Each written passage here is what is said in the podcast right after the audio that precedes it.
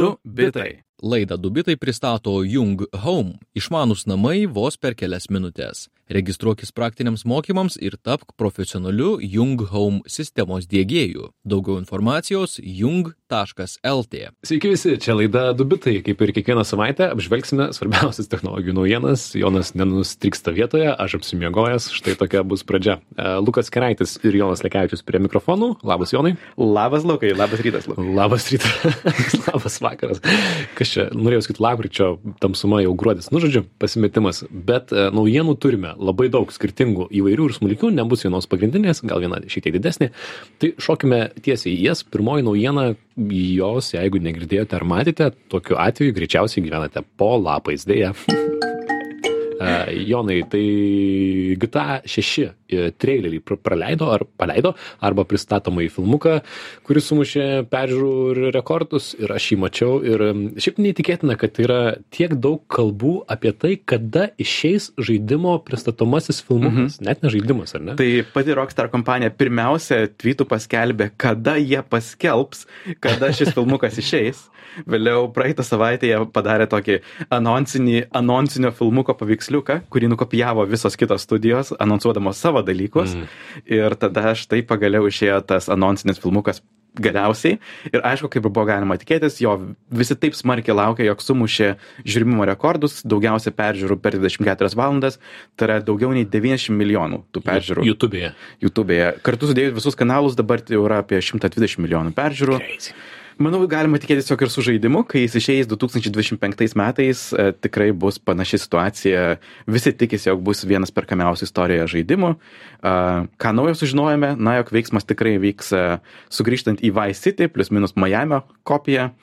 Ir pirmiausia, žaidimas išeis konsolėms, ne PC. Mhm. Tai toks PC žaidėjai truputuką liūdė. Taip, bet po kiek metų išeis GTA? Po kiek, kiek jisai prieš tai išleistas? Minus du metai Du, liko. Ne, ne bet nuo praeito. Ai, a, jau laiko? daugiau nei dešimt metų. Daugiau nei 10 metų, tai tikrai kultūrinis, na, net tiems, kas nesidomite žaidimais, tai yra tikrai didelis įvykis, kai, kai tai išeis, tai žodžiu, gameriai džiaugsis. Patiko traileris, ten rodoma porelė, netgi žaidėjų yra antagonistė mergina po ilgo laiko.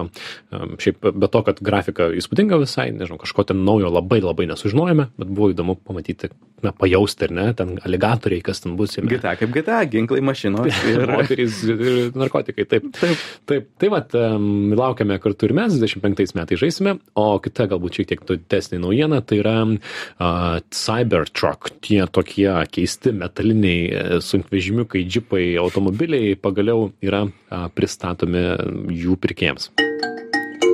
Tai antroji naujiena yra ta, kad jeigu pamenate, prieš keturis metus Elonas Jeigu Muskas... pamenate. Jeigu pamenate, Elonas Muskas atskleidė kampuotą ir nerūdijuojančio plieno Cybertruck um, automobilį, elektromobilį, o pristatymo metu tuomet sudaužė langą netyčia, irgi buvo tokia graži antis. Norėjo pademonstruoti, kaip jis yra neperšaudamas ir nesudaužomas, metė metalinį kamolį ir, oi, netyčia nepavyko įrodyti. Taip, turėjo Cybertrucką jau po dviejų metų nuo to pristatymo pagaminti ir pristatyti publikai, bet tai padarė tik dabar, užtruko keturis metus, sako, turi milijoną automobilio rezervacijų. Neaišku, kiek jų bus atšaukta po šio pristatymo, nes paaiškėjo, kad labai nemažai skiriasi tas e, Cybertruckas realus nuo to, kokį žadėjo prieš keturis metus, kai, kai visą hypą buvo sukėlę. E, Pristatymo metu pa- parodė savo tuos automobilius, jie tarp kitko ir mažesni ten 5 procentais, E, Tesla akcijos krito 2 procentais, reiškia, rinkos sureagavo šiek tiek neigiamai ir, na, 2019 metais Elonas Muskas žadėjo, kad už 40 tūkstančių nusipirkus automobilį bus galima nuvažiuoti 500 mylių, realybėje dabar už 60 tūkstančių nusipirkus e, Cybertruckais nuvažiuos 250 mylių. Mhm. Ir čia netgi skaičiaus infliacija yra, ojojoj, daug kas, daug kas, tarsi, sentimentas yra daug kas nusivylę e, Cybertruckų. Taip, ir bet turbūt kokį 18 kartą išmokome pamoką, jog Masko pažadai tikrai nesikonvertuoja į realybę. Taip, bet šiuo atveju reikia paminėti, kad netgi Teslos gerbėjai atrodo šiek tiek nusi- nusivylę. E, Na, nepaisant to, bus kas juos perka, m, keliem laimingiem jau pavyko iš, išbandyti Cybertrucką. Be abejo, išskirtinis automobilis, daug diskusijų galima čia mes diskutuoti, ar tai gražus automobilis. Ne. Kam, ne? A, nežinau, E, išskirtinis. Išskirtinis. Išskirtinis tikrai taip. Kampuotas, jis turi didžiausią priekinį stiklą automobilyje pasaulyje, kadangi jo kampas yra labai labai žemas, beje, langų valytuvas yra didžiausias ir Mhm. taip pat e, eilinėme automobilyje jis ten rankos dydžio. A, Galima, žodžiu, 16 tūkstančių nusipirkti baterijos pratesėją, kuris užima trečdalio bagažinės ir važiuoti daugiau. A, Nėra rankinio automobilyje, tik tai mygtukas, kuris užšalus ledui neaišku, kas, nu- kas nutiks. Be abejo, turi didelį pagreitį, mm, ką dar sako tie, kas išbandė, kad piršto ant spaudai lieka ant to blizgaus metalo labai stipriai, kad e, keista, nes nėra veidrodėlio, bet net nėra ir to ekraniuko, kuris įprastai būna viet, vietoj veidrodėlio, reikia žiūrėti į pagrindinį ekraną, kiek žemiau negu įprasta. Bet šiaip atsiliepimai iš to, kas važiavo, sako, važiuoja gerai, bet, e, na, vis tiek nusivylimas dėl kainos ir nuvažiuoto atstumo yra šiek tiek prastas. Bus galima nusipirkti tris versijas, brangiausia iš jų kainuoja 100 tūkstančių, Cyber Beast, tai yra 3, 3 ten varikliai tie elektriniai ir tikrai turi didelį, didelį, mm, didelį greitį ir visą ką, bet na, šio akim- aki- akimirkai ypatingai, ypatingai jungtinėse valstijose jau yra daugiau pikapų elektrinių konkurentų. pavyzdžiui. Būtent per tos keturis metus Taip. tai, kas turėjo būti, o kažkas naujo, pagaliau elektrinis e, pikapas, na, šitą rinką labai sėkmingai užsipildė su pakankamai konkurencingais pasiūlymais. Su e, Ford F150 Lightning, kuris labai po- populiarus ir vėlgi Ford F150 yra šiuo metu populiariausias tas pikapas. Ir Rivian T1 yra puikus, tai vėlgi a, sudėtingoje situacijoje dabar atsiradęs tas Cybertruck ir jis atrodo apeliuoja pagrindę tiem, kam labai reikia išsiskirti iš kitų Mhm. ir, ir nori pagrindę turėti tokį vos ne be- beveik mados pasirodymą, o ne praktiškumą. Taip, na, na kaip ir Model S ir X irgi pačioje Teslos pradžioje, tai buvo pasiturintiems ankstiesiems e, naudotojams, bet dabar jau yra automobil, populiarus automobilis. Šiaip ar taip, kai pasirodys visų keturių vatų, ratų varoma um, Cybertruck versija, uh, tik tai 25 metais jau Fordas važinės ketverius metus, tai ir galų galia Tesla, man atrodo, prarado nemažai dėmesio ir to hypo, kurį turėjo 2019 metais. Mhm. Nėra ta pati kompanija, Elnas Muskas nėra tas pats vizionierius, tai Tai žodžiu, a, Cybertrucko pasirodymas, e, jį lydi, sakyčiau, tokios, na, sunkios, lankios, ne, ne pačios e, džiaugsmingiausios emocijos mhm. iš tų, kas išbandė. Iš to, ką aš pa- pastebėjau, tai pirmiausia yra labai įdomu, jog nėra niekur Tesla logotipo. Mhm. A- Apskritai labai mažai logotipų, bet ten, kur yra logotipai, yra tik tai Cybertruck. Tai toks įdomu, vėlgi, galbūt yra toks mados pasirodymas iš dalies. Uh, jie vėl pakartojo tą bandymą, kur metė kamoliuką į stiklą, tik šį kartą metė ne plieninį, o tiesiog beisbolo minkštą kamoliuką. Tai sakau, bū. Taip. Jau jeigu nori mest kamoliuką, tai mes ir sudaužyk tą stiklą. Tai daug kas, jie net ir sume tam savo pristatymo renginyje parodė, kaip tas Cybertruckas, a, temdamas Porsche, aplenkia Porsche kitą, a, na, žodžiu, Mhm. lenktynės vyksta, bet be abejo, kaip visi pastebėjo, pats galingiausias Cybertruckas lenktyniauja su pačiu silpniausiu Porsche, koks jis gali būti, žodžiu. Jo. Marketingų triukų, kaip ir galima tikėtis, Teslos reikaluose nemažai. O kita naujiena taip pat, vėlgi apie Teslą, nors ir kitame, kitoje pasaulio pusėje. Tai yra jau, na, kelių savaičių tikriausiai naujiena, galbūt girdėjote, didžiausia a, e, Danijos profesinė sąjunga prisijungė prie Švedijos Tesla darbuotojų streiko ir taip įdidina spaudimą Teslai susitarti dėl kolektyvinių darybų, darybų teisų a, savo darbuotojams. Tai, žodžiu, Švedijoje yra profesinės sąjungos, jos gana stiprios ir vienos iš jų nariai streikuoja jau šešias savaitės. Ir nors Švedijoje yra vos 120, kiti sako, 130 Tesla darbuotojų, septyniose autoservisuose, jie čia sugebėjo pakelti didelį, didelį triukšmą, kadangi Švedijoje populiarūs kolektyviniai sustarimai, kur susitarė na, grupė žmonių su, su įmonė, tokio nori sustarimo švedai ir su Tesla. Tesla tokio nenori. Elonas Maskas netgi yra sakęs, esu prieš profesinių sąjungų idėją, konceptą. Mhm. Žodžiu, Ir dar praeitą savaitę pakartojo, jog jeigu susiformuoja profesinė sąjunga, jis tą laiko kaip e, tokiu pralaimėjimu iš Mhm. dalies. Tai jo, jis akivaizdžiai to nenori. amerikietiški kapitalistai, žodžiu, nesutarė su, su, su, su, socialiai draugiškesniais e, skandinavais. Bet įdomu, kad Švedijoje yra legalūs simpatizuojantys streikai, kurie, pavyzdžiui, Bri- Britanijoje yra nelegalūs nu, ir man buvo naujiena, ir jie gali, galima palaikyti protestuojančius. Tai kas įdomu, kad uosto darbuotojai vieno atsisakė iškrauti Teslas iš laivo Švedijoje, o tarp kitko pašto darbuotojai atsisakė paštu išsiųsti Tesla valstybinius numerius. Fantastika, kaip Ir juokinga. Taip, taip, kas šiaip yra nemaža brolybė. Įdomu, kad Tesla padavė į teismą būtent paštą ir bent jau trumpam išsipaišė tai, kad e, pašto darbuotojai privalo atiduoti Teslai dabar tos automobilius, jie kažkokiu būdu galės įteikti na, Tesla pirkėjams tos, kad jie galėtų važinėti su automobiliais gatvėmis. Žodžiu, o Danijoje viena darbuotojų sąjunga prisijungė taip pat į simpatizuojantį streiką. Norvegijoje didelė sąjunga taip pat svarsto blokuoti į šalį at- atvežamas Teslas. Visą tai stebi Vokietijos Tesla Gigafactory statybininkai, darbuotojai, nes jų yra 11 tūkstančių, jie taip pat norėtų turėti kolektyvinę sutartį su Tesla. Tai, žodžiu, visi žiūri, kas čia bus su tai 130 darbuotojų Švedijoje, nes, na, tai būtų precedentas, kadangi dauguma įmonių net ir iš užsienio turi susitarti su švedais darbuotojais, o Tesla nori apeiti šitas taisyklės. Ir man atrodo, puikiai sentimentus apibūdina vienas skandinavo komentaras, kad net jeigu esate vienas turtingiausių pasaulyje, negalite tiesiog nustatyti savo taisyklių. Šiaurės šalių regione turime tam tikrus rinkos sustarimus, kurių privalote laikytis, jei norite čia užsimti verslu. Ir skandinavai stovi ties ant nugarą prieš, prieš šitą sustarimą. Įdomu, ar jiems pavyks sustarti. Maskas piktas vadina idiotizmu visą tai, bet visas pasaulis stebi, kuo tai, kuo tai pasibaigs. Mhm. Žinių radio klausytojams priminsime, kad girdite laidą Dubitai, mes čia visai kaip plušame apipasakodami technologijų naujienas su Jonu, o teisingai viena dar naujiena iš praėjusios savaitės, vos tik mes įrašėme laidą prieš savaitę, nusileidome žemyn ir abu pažiūrėjome savo Spotify wrapped, uh, Spotify'os wrapus, tai yra kai galima pažiūrėti, ką Spotify'us grojo visus metus, apie tai ir naujiena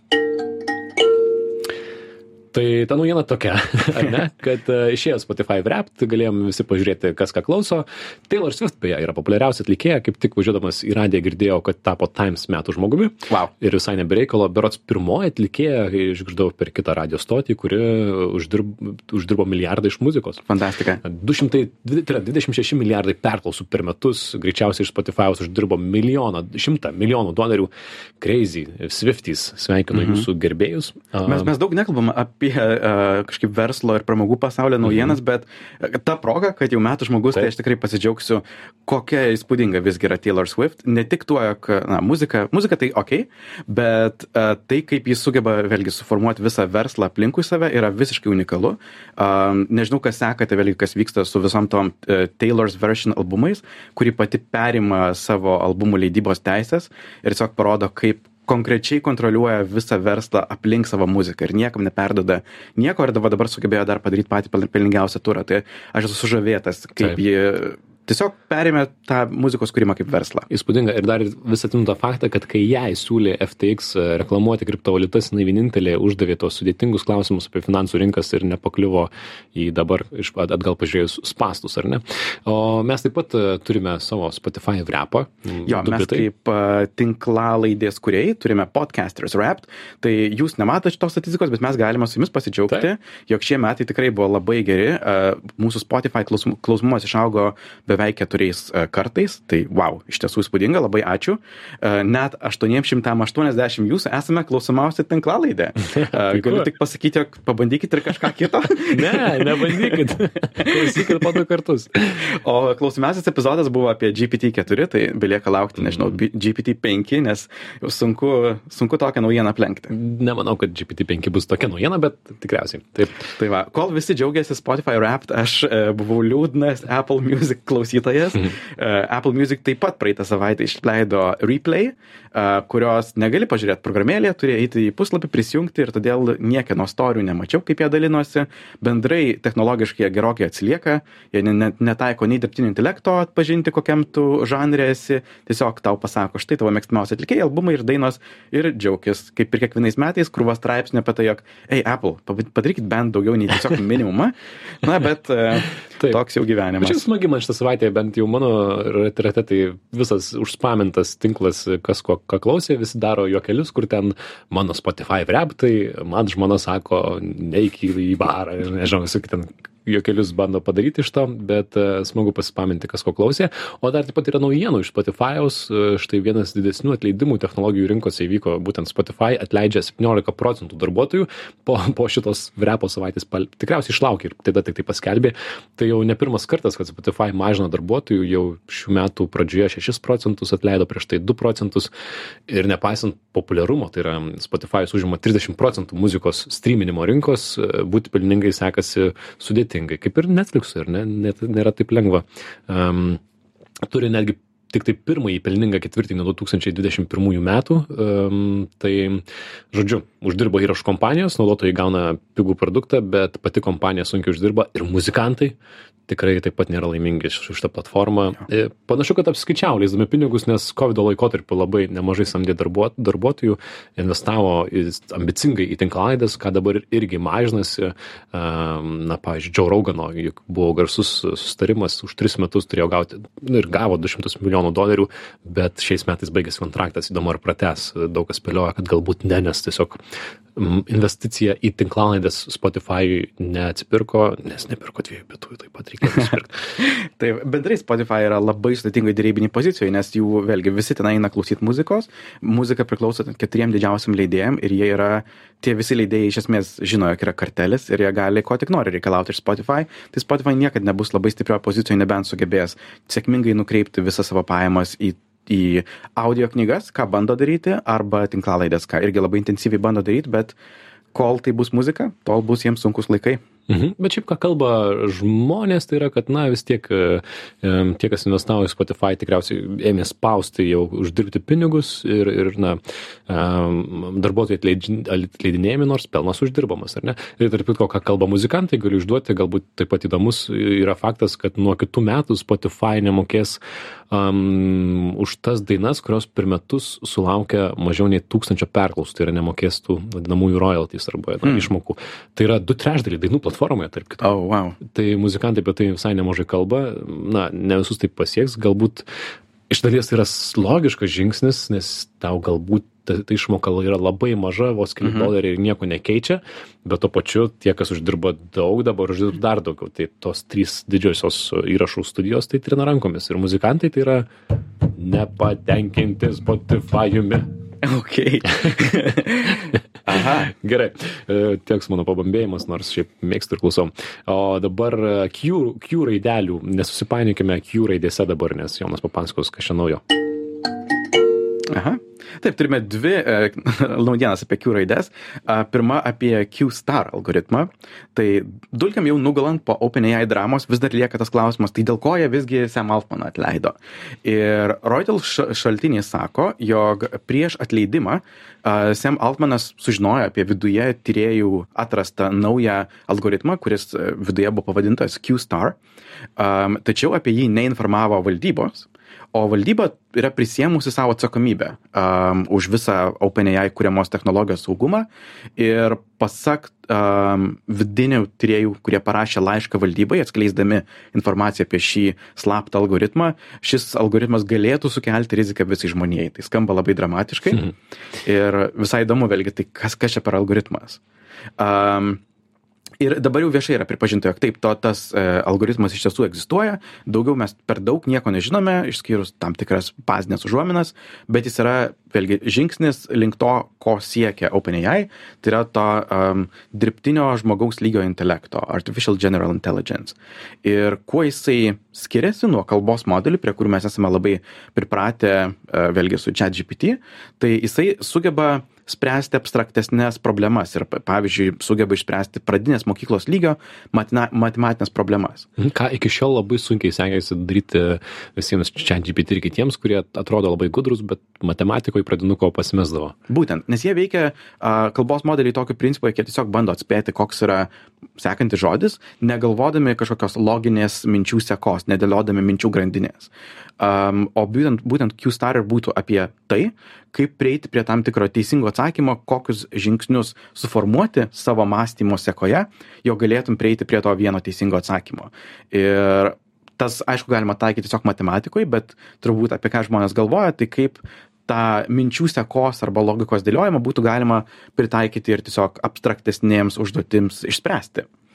Ir e, Altmanas tikėtina net indikavo, jog e, jis tiki šio algoritmo potencialų dar prieš atleidimą, komentuodamas e, Asia Pacific Economic kooperacijos e, konferencijoje apie tai, jog jis laiko tai vienu didžiausiu OpenAI išradimu.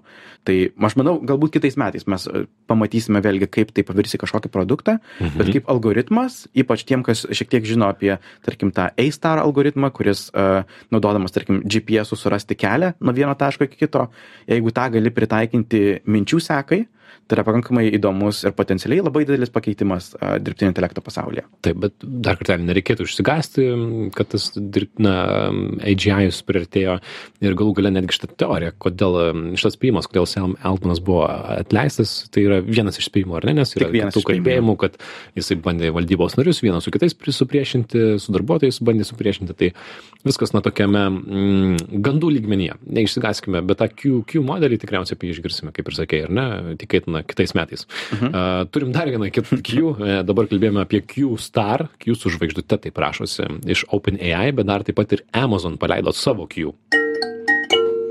Tai visi turi po savo pokalbį robotą, OpenAI turi čia GPT, Google turi Bardą, Microsoft Copilot, Amazon ir Apple iki šiol nieko neturėjo, tai dabar jau Amazon turi ir jį pavadino Q. Um, sako, pavadinimas įkvėptas uh, ir to, jog tai yra žodis question, ir to, jog tai yra James Bondo tų išmanių prietaisų kuriejas Q. Um, jis kol kas nėra skirtas paprastiems vartotojams. Tai yra, nežinau, taip kaip čia GPT yra prieinamas visiems, jis yra šiuo metu integruotas jų debesijos AWS platformą ir pradžiai skirtas būtent tiems, kas naudojasi jų paslaugomis. Tai yra, gali užduoti labai konkrečius ir net, sakyčiau, pakankamai sudėtingus klausimus apie tai, kaip ten tam tikri resursai, kuriuos naudoji debesyje, jie yra susiję, kaip jie veikia, kas, kas jungta, kas tau kainuoja pinigus ir jis gali tau gana protingai atsakyti.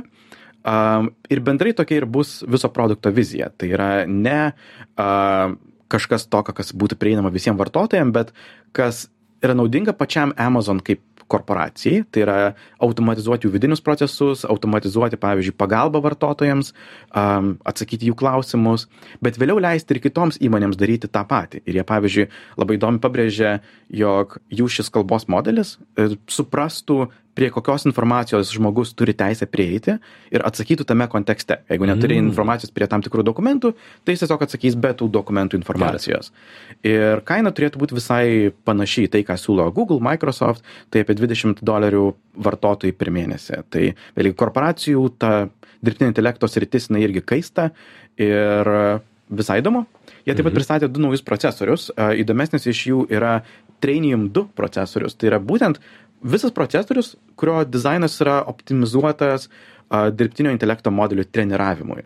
Tai vėlgi labai įdomu, kaip a, greitai vystosi technologijos a, šioje pakankamai šviesioj srityje. Taip, tai čia e, ypatingai industrijai galbūt svarbios naujienos, o ne žmonėm, kurie dirba debesyse, e, ne pilotai, bet ti- tie kiti, tai tiems tai visai galbūt aktualesni dalykai. E, O dar viena įdomi naujiena, kurios norisi spėti pasi, pasiminėti, Jonas čia atkasė apie bitkoinus, kurie pastaruoju metu kilo, mes buvom apleidę, bet kyla bitkoinai į aukštumas, neipatingai didelės, bet kyla ir su to vienas naujiena susijusi. Jau tikrai nelabai išsimiegojęs, bet Apsimiegojęs Lukas nesugroja džinglų. Tai taip, šią savaitę bitkoinas vėl peržengė 40 tūkstančių dolerių kainą, tai ir kitos kriptovaliutos pajutė tokį atšilimą ir su tuo padidėja ir mainų, ir pervedimų srautai, o su jais kartais nutinka tokie ups. Tai va apie vieną iš tokių upsų, kuris nutiko šią savaitę.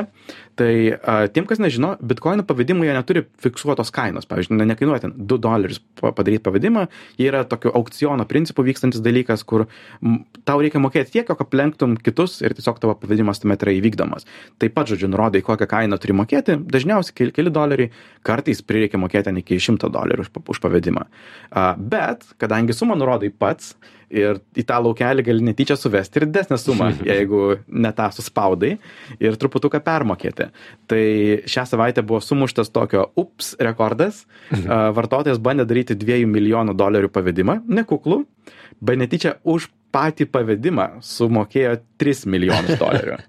Tai sumoje jam tai kainavo 5 milijonus. Reiškia, turėjo tiek sąskaitai. Tai... Turėjo tiek sąskaitai, neskauda, ar ne? Aš tai manau, kad juokinga, nes ne man tai nutiko, tai dėl to ir juokinga. Anksčiau tokiose situacijose tie blokų kasėjai bitkoinę kartais net sugražindavo tokį ups išgelbėjimą, bet gali būti, jog šį kartą taip nenutiks. Ir tas, kas iškasė tą bitkoino bloką, na, 3 milijonais paturtėjo. Mhm. Tai turbūt toks priminimas, jog kripto pasaulyje reikėtų žinot, ką darai. Negailestingas jisai. Nenutiktum Decentralizuotas reiškia, nėra kas pataisys, nėra kas Ne. sugražins. ir daug ups brangiau nutinka. Taip. Uh, gerai, dar vieną naujieną. e, Jonas per 15 sekundžių spės papasakot, sakė. Ne? Taip, uh, naujas žodis yra uždraustas, čia GPT, uh, ta žodis yra forever, amžinybė, nes žmonės surado, jog jeigu tu jam duodi specialiai pritaikytas instrukcijas, kuris sako, kartok šitą žodį forever, tai jis kartais išduoda slaptą informaciją, kurios, kurios neturėtų išduoti apie OpenAI vidinės instrukcijas. Tai va, dabar žmonės apidinėja kitom frazėm, kaip labai labai daug be galo. Bet iš vis negalima naudoti šito žodžio, ar, ar negalima naudoti jį ten bandant išgauti informaciją, ar iš vis jis neveiks? E, iš esmės, jis gana greit pagaus, jeigu bandys neteisingai naudoti žodį forever. Mm. Tai taip. Gerai, metai po vis dar bandoma apeiti čia GPT ir vis dar sėkmingai. Uh, jėga, čia ir sustojam uh, laida Dubitai, kad tik skambėjo jūsų ausyse. Dubitai.com yra visi mūsų šaltiniai. Klausykitės mūsų per Spotify, kitas tiklaladžių programėlės, žiniųradijas.lt yra mūsų taip pat laidos. Čia buvo Lukas Keraitas, Lukas Keraitis, Jonas Lekevičius ir mes sakome iki kitos savaitės. Iki. Iki. Du bitai. Laidą Dubitai pristato Jung Home - išmanus namai vos per kelias minutės. Registruokis praktiniams mokymams ir tapk profesionaliu Jung Home sistemos dėgėju. Daugiau informacijos jung.lt.